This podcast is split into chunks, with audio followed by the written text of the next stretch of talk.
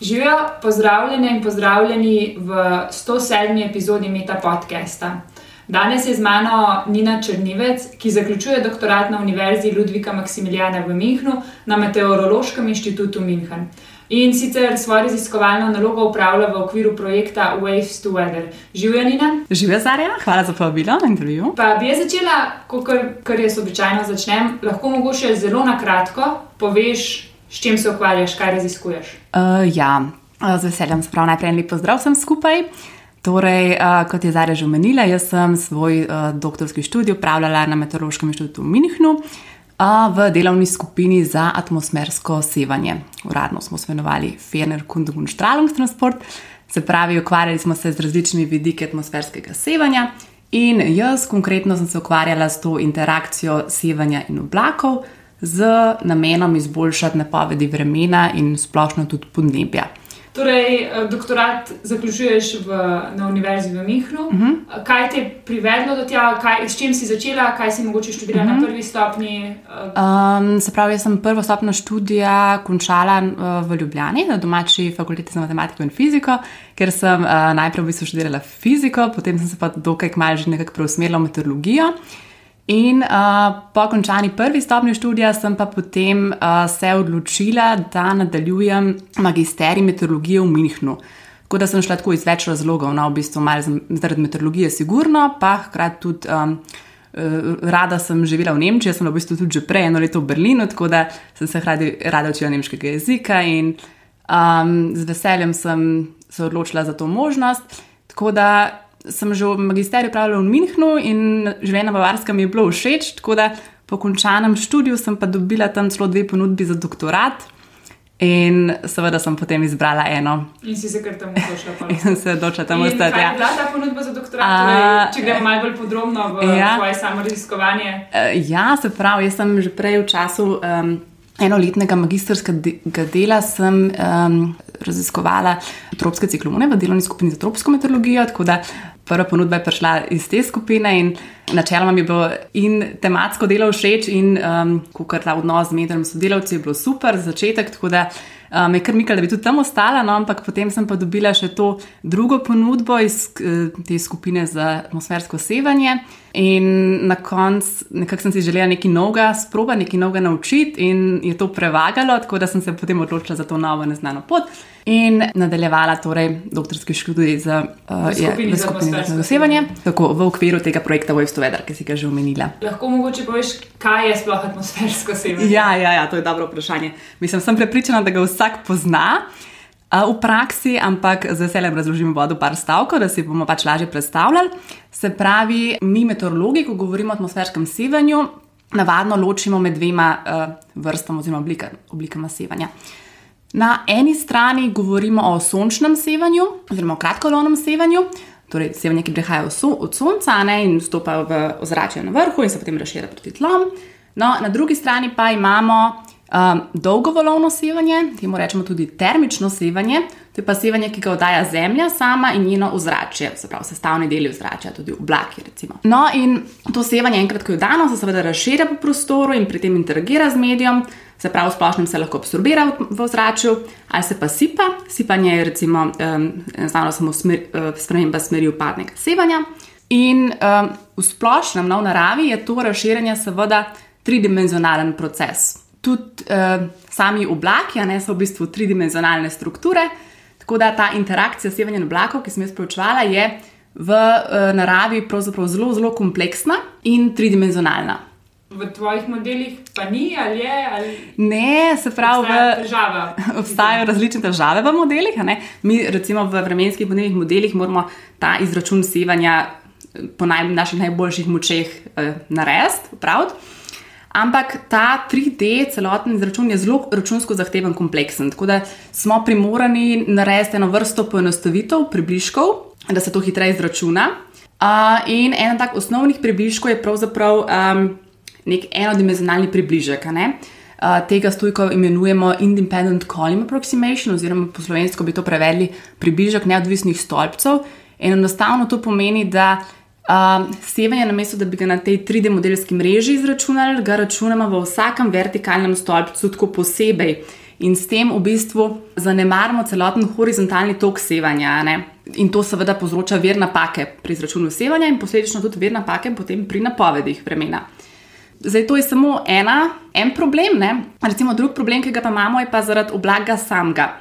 Ker um, oblaki v meteorologiji so res tiste sinonim za, za kompleksnost, za um, nekakšne težave ali pa tudi pač izziv, odvisno od dneva, če imamo težave, če Eh, imamo dober dan, je, so oblaki recimo res, res zelo zanimivi, ker m, predstavlja nešteto odprtih vprašanj še vedno. No, in um, problematični so zaradi tega, ker so zelo spremenljivi, časovno in prostorsko se hitro spremenjajo, zato jih v modelu zelo težko dobro, natančno predstavimo. In če recimo že oblak v modelu slabo opišemo, potem bomo tudi sevanje, ko ga bomo računali na tem oblaku, bo imel napako tudi zaradi samega slabe, nepopolne pomankljive predstavitve oblaka. Seveda si želimo te napake v čim večji meri zmanjšati, in v prvi vrsti je pa treba potem te napake razumeti. Tako da sem se v prvem delu svojega doktorskega raziskovanja ukvarjala prav s proučevanjem eh, napake tega sevalnega izračuna. Za um, oblačno polje razvijajoče se plitke konvekcije, to so kumulusni oblaki, po domače povedano. Kako pa izgledajo ti kumulusni uh, oblaki, ki jih lahko opišuješ? Ja, poslušalci, poslušalke prepoznajo. Ja, To so recimo oblaki lepega vremena in pravimo. To so taki. Um, puhasti, ja, puhasti, oziroma um, neki cvetačasti, mislim, taki, um, ja, ja, puhasti. To so taki geometrijsko, ne kockasti oblaki, recimo, kakšen status je zelo, zelo plastovit oblak, ne enodimenzionalen, medtem ko te kumulusi so zelo razbiti oblaki, razbito oblačnost gre in ima zelo veliko stranskih robov in zaradi tega so v bistvu bili meni zelo zanimivi, ker na teh robovih oblaka pa pride do teh 3D učinkov. Ne? Tako da. Um, Tega, te interakcije med sevanjem. Ja, se pravi ravno ta uh, horizontalni tok sevanja se zelo jasno potem odraža na robovih, na stranskih robovih oblaka in pri kumulusni oblačnosti je teh robov mnogo, ker so zaradi same geometrije kumulusnih oblakov. Ne. Tako da sem pravčkovala, da, dobila, da, da bo na teh oblakih prišlo do velike napake no? in da bi bili lahko zelo problematični potem v praksi, v modelih. Tako da um, so zelo, tudi hot top, topic na splošno zdaj v meteorologiji in klimatologiji, ne, ker v splošno tudi kumulusni oblaki, kar velik del zemlje, uh, mislim, so prisotni uh, v velikem obsegu zemlje, tako da so uh, sevalno pomembni. Te lahko samo prekinem. Ja, ja, seveda. Smo veliko govorili o sevanju in o oblakih, o ja. spešnem sevanju in o oblakih. Uh -huh. um, hkrati sta pa oba ta oba procesa, oziroma pač obla, prisotnost oblakov in sevanje v nekem odnosu pri napovedovanju vremena. Ja. In o teh napakah, ki govoriš, je to za napake pri napovedovanju vremena ali za ja. napake ja. pri kakšnih drugih napovedih. Ja, ja to um, mislim splošno, se pravi. Vremenski model je zelo, zelo kompleksna struktura. Treba je upraviti vrsto različnih izračunov. Ne? In um, Pravzaprav vsevalni izračun je samo en del, ena komponenta. Tako. Imamo še veliko drugih stvari za izračunati, če se ukvarjajo potem uh, drugi uh, raziskovalci. Ampak recimo sevanje v ozračju nekako privede do segrevanja ozračja. Recimo, če sevanje absorbira v ozračju, se bo ta del zraka segrel. In tudi samo oddajanje sevanja v ozračju pa tudi privede lahko do ohlajanja v ozračju. Recimo, če en volumen zraka več sevanja odda, kot ga prejme, se bo ta del zraka ohladil. Tako da dejansko prihaja do temperaturnih sprememb. In um, to potem tudi vodi do nastanka gibanja v zraku. Recimo, če se neki zrak segreva, se bo začel dvigovati, ali pa če se ohlaja, se bo začel spuščati, in tako naprej. Tako da To zelo vpliva na vreme, uh, na stanje atmosfere. Če na robe izračunamo ne, to porazdelitev temperature v ozračju, bo seveda napoved slabša. Zdaj, druga stvar, ki pa tudi vedno računamo mi v okviru tega sevalnega izračuna, je pa tudi, koliko sevanja prejmejo tla. To je tudi zelo pomemben podatek, ker v splošnem, recimo, sončno sevanje prispe do tal in se deloma odbije, deloma se pa absorbira v tleh. In to potem vodi tudi tega, da se tla segrevajo. Recimo. In to spet potem vpliva na procese v tleh, a ne se lahko začne kažen talit sneg. Tako da, ja, je pomemben del um, ta izračun sevanja. No? Je pa eden uh, najbolj računsko zahtevnih delov modela v bistvu. Um, torej, ti si se res podrobno ukvarjal z atmosferskim sevanjem pri napovedih primerjanja s tem sevalnim izračunom. Lahko ja. mogoče kaj več poveš, torej ta interakcija sevanja in oblakov, um, zakaj je to mogoče težko modelirati, oziroma prej si omenila, da, da, da ko modeliraš, oziroma ko so v preteklosti modelirali, so videli to kot enodimenzionalen problem, čeprav ja. vemo, da je v naravi tridimenzionalen. Ja. Lahko poveš pač. Kakšen napredek si ti mogoče naredil v svoji nalogi? Oziroma... Ja, ja. Mm, se pravi, jaz sem v prvem koraku torej, pročvala to napako in tudi me zanima prav to, koliko še ljudi zaradi tega kolikšen del te napake pravzaprav naredimo zaradi enega prebližka, pa koliko zaradi slabe predstavitve oblaka samega. Ne? In se je nekako izkazalo splošno, da je ta slaba predstavitev oblaka pravzaprav veliko bolj problematična, še vedno kljub vsemu. Tako da sem potem v drugem delu doktorskega raziskovanja probala razviti neko metodo, ki bi saj delno odpravljala te napake. No, in pri tem sem se naslonila na neko idejo, ki je bila prvič predstavljena v Angliji, že deset let nazaj. To je bil tako imenovana metoda Triple Clouds. Uh, se pravi, pri tem zelo v bistvu dosta enostaven koncept. In sicer si lahko predstavljamo ne, v neki modelski celici. Je klasično oblak predstavljen kot taka homogena plasta, ne, čist homogen, horizontalno eh, homogen. No, ta triple cloud metoda pa to območje razdeli v dve različni regiji in reče, ena je bolj debela, ena bolj tanka, recimo eh, optično debela in druga optično tanjša. To si lahko predstavljamo, da en del je bolj vodnat, ne, en del je pa bolj tak tanek, bolj prosojen za sevanje. Ne. Ker ta vodnatost oblaka igra veliko vlogo pri tem, kako sevanje se razširja čez oblak. Um, vsi vemo, da tako temen gost oblak bo veliko sevanja absorbiral in ne bo prišlo nič čez, medtem ko kakšni tanki oblaki bojo bolj prepustni za sevanje. Jaz sem potem ugradila to metodo no, in jo preizkusila na različnih tipih oblakov in je zelo, zelo dobro delovala, tako v primerjavi s to klasično metodo se je izračun sevanja dejansko izboljšal. Izbrala sem si pa za začetek štiri take zelo različne type oblakov. Uh, izbrala sem si torej eno kumulusno oblačno polje, pa en stratokumulus, pa en cirrus in na zadnje še cumulonimbus. Se pravi, to so te osnovni tipi oblaka, ki so pa v bistvu zelo različni. Recimo, um, cumulus pa stratokumulus se nahajata relativno v bližini tal, v teh spodnjih plasteh ozračja, kjer je uh, bolj toplo in sta posledično v celoti sestavljena iz vodnih kapljic, tekočih vodnih kapljic. Medtem ko cirusni oblaki, ki so pa više leže, ležeči, kjer je hladneje, ne, so pa recimo ravno obratno v celoti iz ledenih kristalčkov, ki spet nekako drugače eh, interagirajo s sevanjem kot kapljice. In kumulonimbus ne je pa oblak vertikalnega razvoja, tako da je v spodnjih plasteh iz kapljic, v zgornjih plasteh iz kristalčkov ledenih, vmes je pa neka plast, kjer obe, oboje v bistvu koeksistira. Tako da um, za vsak tak oblak nekako so potrebni kakšen različen pristop. In jaz sem nekako um, skonfigurirala to metodo na triple cloud, da je nekako optimalno lahko delovala glede na tip oblaka. Zdaj, mislim, sem naredila en tak prvi korak k boljšemu izračunu sevanja. Upam, da nadaljeval, pa mislim, da bo zdaj moj kolega v Nemčiji, ker ta projekt WebStovedr, hvala Bogu, še ni končan. Gre za 12-letni projekt, no in jaz sem bila zdaj v tej prvi štiriletni fazi. Tako da imam vsaj še dva naslednika za mano in bom prav z veseljem spremljala, v bistvu, kaj se bo zdaj v naslednjih letih dogajalo in upam, da bojo gradili na tem, malo tudi na tem, kar sem jaz zapustila. No. Se pa zna zgoditi, da bo tudi kakšne čist nove ideje prišle. Super, zveni zelo zanimivo.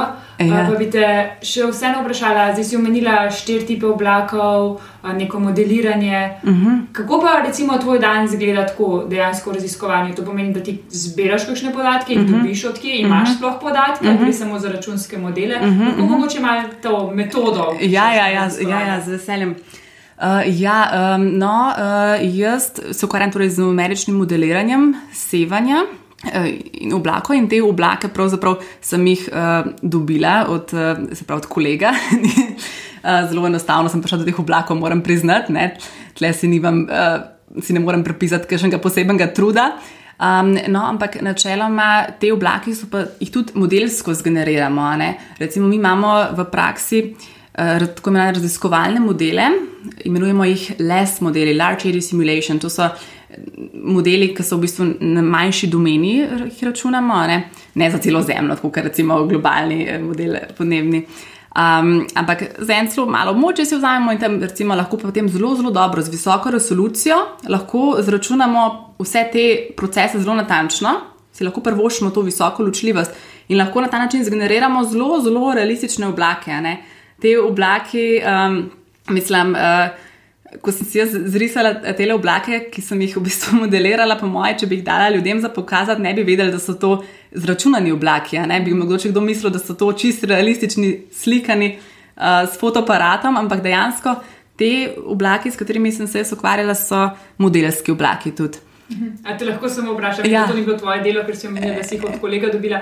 Ja, ja. Ko naredijo te modele oblaka, pa je to osnovano na kakšnih dejanskih podatkih? Ja, seveda. Ja, te uh, modele, torej Large Age Simulation modeli, oziroma Cloud Resolving Model, to so modeli.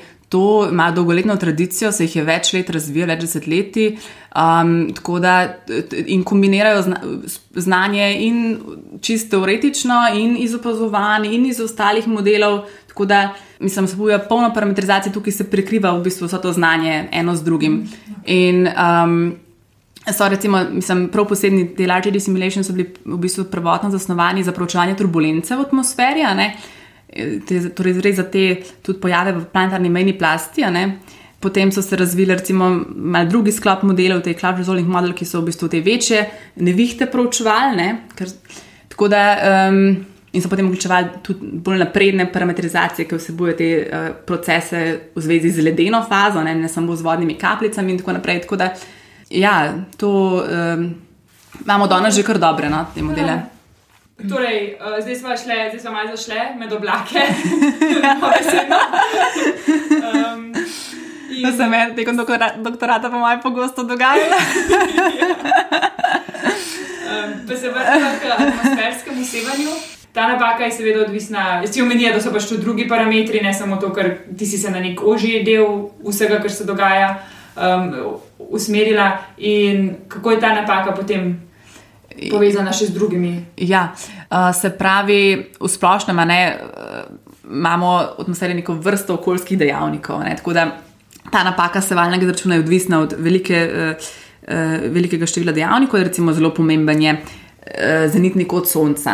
Recimo, napaka bo zelo drugačna, če imamo sonce direktno nad glavo, ali pa če je sonce zelo nizko nad obzorjem in si je v bistvu na oblake zelo, zelo postrani. Uh, In tako recimo tudi en pomemben faktor je recimo odbojnost tala. Ne? Jaz sem recimo proučevala eh, to napako odvisnosti, ali smo nad oceanom ali nad kopnim. Recimo oceani imajo posebno drugo odbojnost kot kopno, imajo zelo nizek albedo, tako da veliko uh, sevanja, ki prispeje, enostavno upijajo. Medtem, ko nad kop, kopnom pa relativno, mislim, ima pa višji albedo, večja odbojnost. Tal, tako da se potem sevanje, recimo sončno, ki prispe do tal, tudi odbije recimo, nazaj in lahko ponovno interagira z oblakom. Tako da tudi to sem potem uh, proučila bolj natančno, pa seveda v napako odvisnosti od samih parametrov, ki karakterizirajo oblak, recimo od stopne oblačnosti ali pa od vodnatosti oblakov spet. Tako da to vse igra vlogo. In, in sistemi s svojimi, kar si pač ugotovila, oziroma prilagodila, si izboljšala modele, verjetno. Uh, mislim, ja, tudi. Oziroma zmanjšala pač napako. Uh, ja, ene par takih ugotovitev je bilo zelo zanimivih, ki mislim, tleh bi se dal še naprej graditi dobesedno. No? To je nek tak prvi korak. Rekla, bo... Ja, to bojo še ali moji nasledniki, ali bomo tudi če jaz z veseljem še ukvarjala. Ampak. Um, ta korak sem zaenkrat posila še malo odprt. No. Pa recimo pri napovedovanju vremena, ne se vemo, kako je težko pač napovedati že za par dni naprej, oziroma zelo nepredvidljivo ja. vreme. Uh, potem pridejo upoštev vse ti izračuni, ki si jih ti omenja, pa verjetno še tisoče drugih, ja. ki, ki so v interakcijah z vsem, kar se dogaja v ozračju. Ja. Ja. Te lahko mogoče na tem mestu še vprašam, ker v, v nekem povzetku tvojega dela, ki si mi ga postala, omenjaš, da gre za natančne napovedi vremena in podnebja, mm -hmm. ki mhm. so izziv. Mm -hmm. Mogoče lahko voješ to razliko, recimo, kako pride ta tvar. Mhm. Ta tvoj izračun, oziroma to, s čimer si se ti mhm. ukvarjala, v, kako je recimo uporabno pri napovedi vremena ali pa pri napovedi pod, podnebja. Če te, kakšna razlika obstaja? Prav, vremenski in podnebni modeli ne, imajo veliko skupnih točk, pa tudi nekaj pomembnih razlik. Ne. In načeloma te osnovne enačbe, ki opazujejo pač gibanje zraka, recimo te najvišje oksane, so v bistvu skupne v obeh modelih, ampak a, potem imamo pa še vrsto procesov, ki jih moramo tako približno predstaviti, temu pravimo parametrizacije in te se pa seveda malo razlikujejo med vremenskimi in podnebnimi modeli. In v bistvu, um, mislim, ta sevalni izračun, ki sem ga izdelala, to je pa res skup, skupno, uh, skupna težava obeh. No? Tako da to se da res direktno uporabljati aplikativno in v vremenskih in podnebnih modelih. Tle, um, ni bistvene razlike. Zdaj, v splošnem, ne, recimo, Podnebje je neko poprečno vreme, ponovadi rečemo. Vreme je neko trenutno stanje v zraku, medtem ko pri podnebju govorimo o nekem poprečnem vremenu, recimo 30-letnem povprečju. In eh, ko gledamo procese na nekih daljših časovnih skalah, recimo tudi potrebno upoštevati številne procese na Zemlji, ki se tudi dogajajo na daljših ne, skalah, recimo procese v oceanih, ki so bistveno počasnejši kot recimo v ozračju. In recimo pri vremenskih modelih v bistvu ne rabimo podrobno predstaviti ocean, ampak pri podnebnih pa ga recimo potrebujemo in tako naprej. In recimo druga stvar, taka značilna je, pri podnebju se sprašujemo, kakšno bo podnebje pri tolikšni in tolikšni količini izpusta toplogrednih plinov, tako da moramo recimo predstaviti tudi ta ugljikov cikl v modelu, ne, tega pa vremenu ne, ne rabimo in tako naprej. Ali mogoče eh, ta atmosfersko sevanje se spremenja tudi naravno, recimo, ko smo bili govorili o podnebju, mm -hmm. da gre čez neko daljšo časovno enoto? Ja. Se to sevanje spremenja, tudi sevanje od sonca se, se ne spremenja? Se ima neko naravno, mislim, um, ja, seveda sončno sevanje v načeloma. Tak, surana konstanta, ki, torej količina sevanja, ki prispe na vrhu zrača, se spremenja zaradi neke naravne variabilnosti um, se pravi zaradi same variabilnosti sončne aktivnosti, e, in pa tudi zaradi samega pač potovanja, um, glede na to, v kakšni uddaljenosti je Zemlja od Sonca, ne? potem prejmemo ali več ali manj sevanja. Ampak še vedno to je samo naravna variabilnost in ne more razložiti um, globalnega segrevanja, ki smo ga pričali v zadnjem času. Ja. Torej, zdaj smo prišli do globalnega segrevanja. Jaz sem v bistvu tebe spoznala tako, da sem te najprej povabila v intervju uh, za Radio Student, ja. potem, ko si skupaj z dr. Žigo Zaplotnikom, dr. Lino Bolko in pa Aljošo Slamešakom objavila zahteve slovenskih raziskovalcev za sprejetje takojšnjih ukrepov za blaženje podnebnih sprememb in ja. prilagajanje na nje. Ja. Lahko mogoče kaj več poveš o tem pismu, na kaj ja. ste ga naslovili, zakaj ste ga napisali, kaj, kaj želite. Ja, z veseljem no, povem še par besed o tem, ker z veseljem izkoristim ta trenutek še za malo dodatnega ozaveščanja uh, o podnebni krizi. Se pravi, um, Mi smo, mislim, ideja je bila, uh, je prišla strani žigata, tako da glavna zahvala gre res njemu. To si želim povdariti in eh, jaz sem zelo vesela, da nas je pač povabil zraven k sodelovanju. In eh, se pravi, ideja prišla letos v bistvu na podnebnem protestu, ker sem se ga odeležila skupaj z žigatom in mi je on predlagal, da bi pač napisala odprto pismo slovenski vladi. Uh, Um, in jaz sem se seveda tako strinjala, in kmalo smo bili že isti dan, potem štirje v ekipi, vsi pravzaprav bivši eh, študenti fakultete za matematiko in fiziko v Ljubljani. In um, mislim, zelo, jaz sem se tega brez konkretnih pričakovanj lotila, ampak zelo. Um, pozitiven odziv smo prejeli, mislim, neverjetno se nam zdi, v bistvu, kako smo v kratkem času dosegli veliko ljudi, mediji so nam zelo pri tem pomagali. Pa tudi, zdaj smo dobili pred kratkim celo odgovor, Simona Zajca. Um, in, Ja, nismo nekaj pričakovali, no, tako da že je prav omenil, da, recimo, da je to prvič, no, da, da so se prav, javili z odgovorom nekomu. Ne.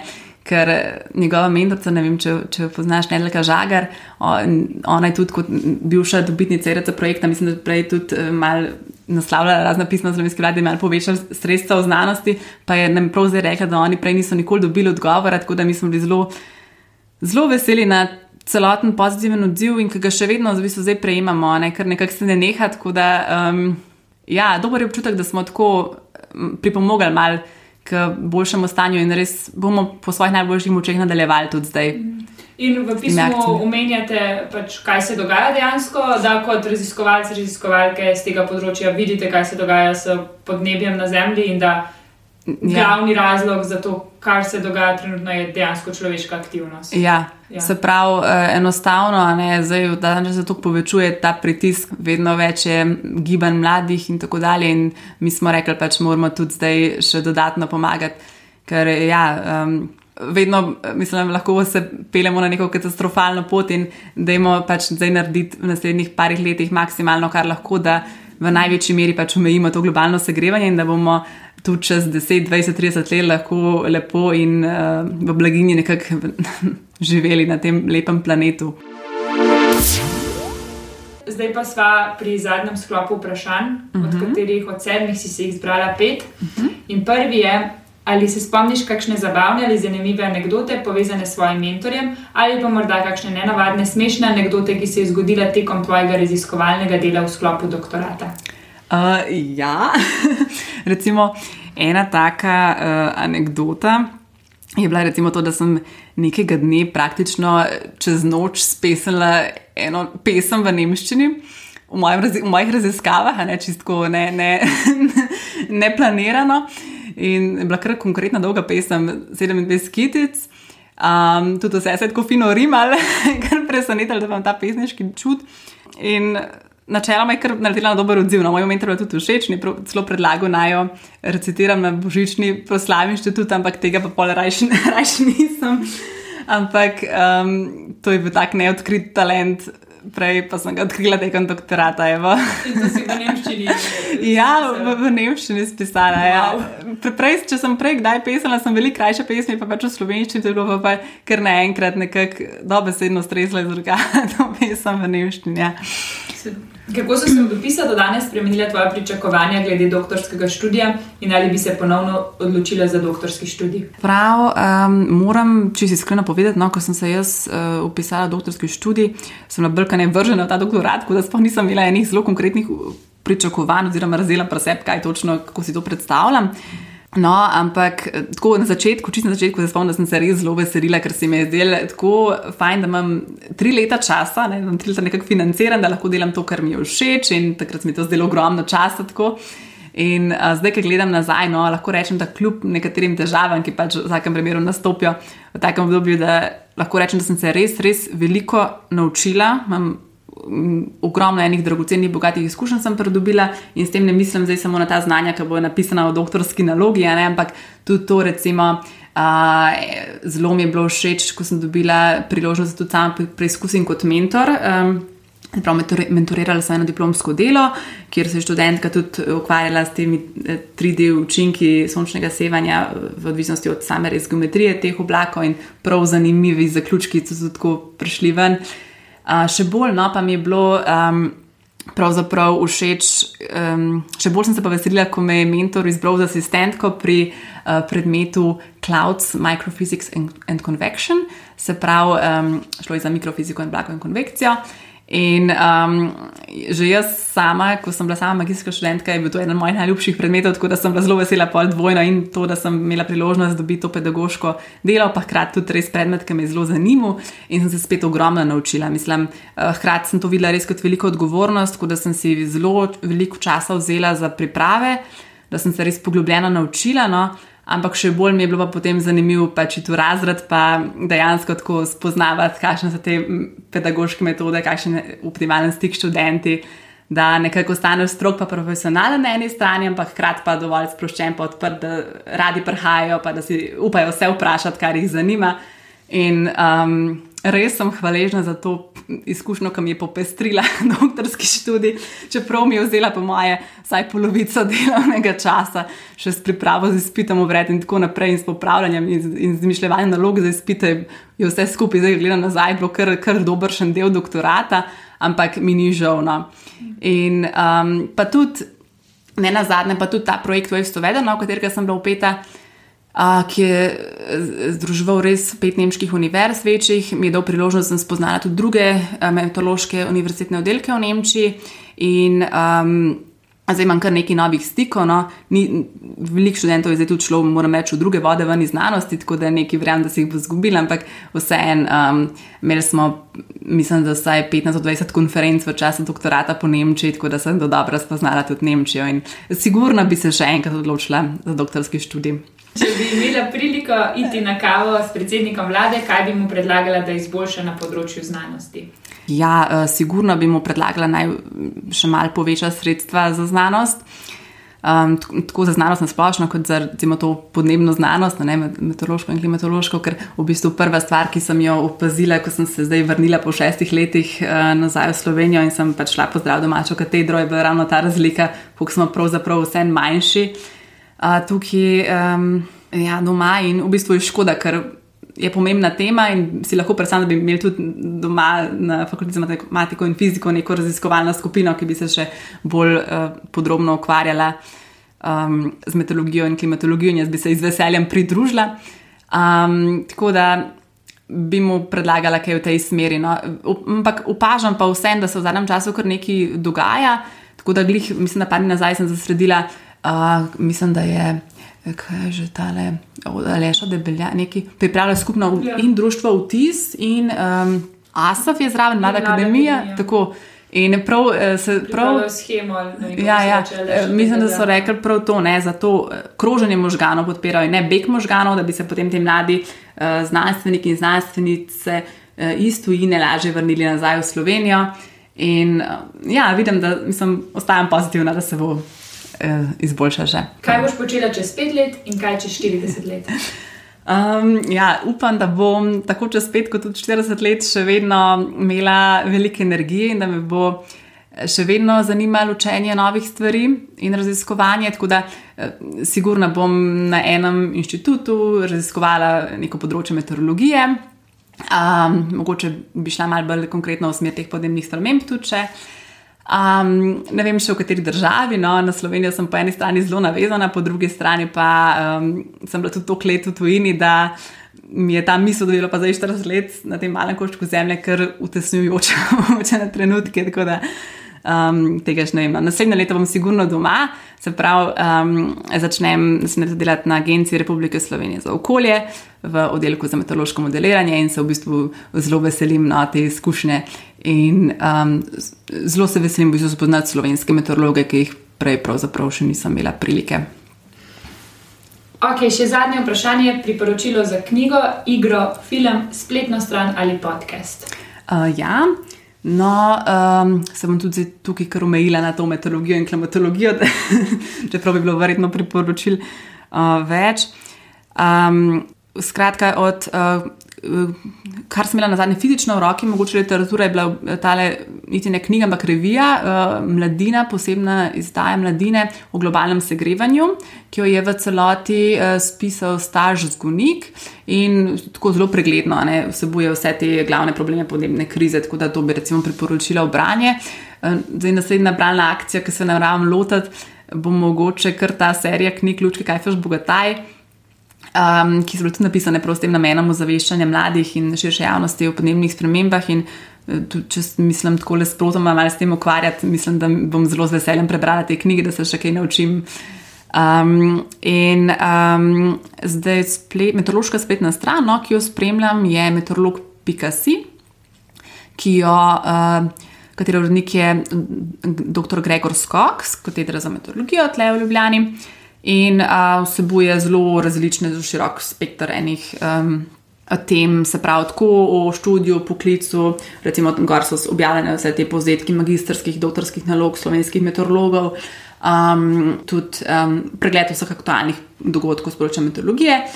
V Sloveniji in pa spremljam zadnje čase tudi Arso podcast, ki ga pa pripravlja Matija Klančar z Agencije za okolje in tudi vsebuje v zadnjem času vedno več teh epizod o podnebnih spremembah, se pravi, splošno je pa to pač pogovor z meteorologi, klimatologi v različnih meteoroloških temah. Um, tako da, mogoče bi izkoristil to priložnost še da pozovem poslušalce in poslušalke naj si ogledajo.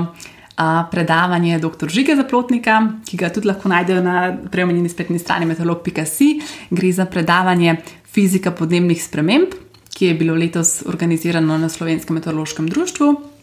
In um, ogled vzame samo eno uro časa, pa zelo poučno, tako da z veseljem priporočim še to. Um, če pa bi si kdo bolj podrobno mogoče um, želel še, še, še seznati oziroma se nekako samo poučiti o temi, uh, pa recimo lahko predlagam še kakšnega od teh online um, teaching uh, tečajev, recimo uh, ta Climate Literacy Course, ki ga jaz na zadnje pogledala in mi je zelo všeč. Pripravljata ga dve kanadski znanstvenici z University of British Columbia in se tudi sami že dlje časa ukvarjata s to popularizacijo podnebnih sprememb oziroma s komunikacijo z javnostjo in se zelo tako jasno izražata in meni osebno jih je zelo um, fajn poslušati. Uh, hvala, Nina. Ja, hvala tudi tebi, Zarja. Poslušali ste Meta podcast, v katerem se pogovarjamo z mladimi znanstveniki in znanstvenicami z različnih področji znanosti. Podcast domuje na spletišču metina.si, kjer najdete tudi druge zanimive znanstvene vsebine. Naše delo lahko podprete z donacijo Metini listi, pohvale, pripombe in predloge lahko posredujete po e-mailu znanost.afna.metina.si. Dobrodošli so tudi komentarji na Facebook profilu Metine liste in na Twitterju Afna Metina lista, kjer uporabite hashtag MetaPodcast. Se slišimo čez 14 dni.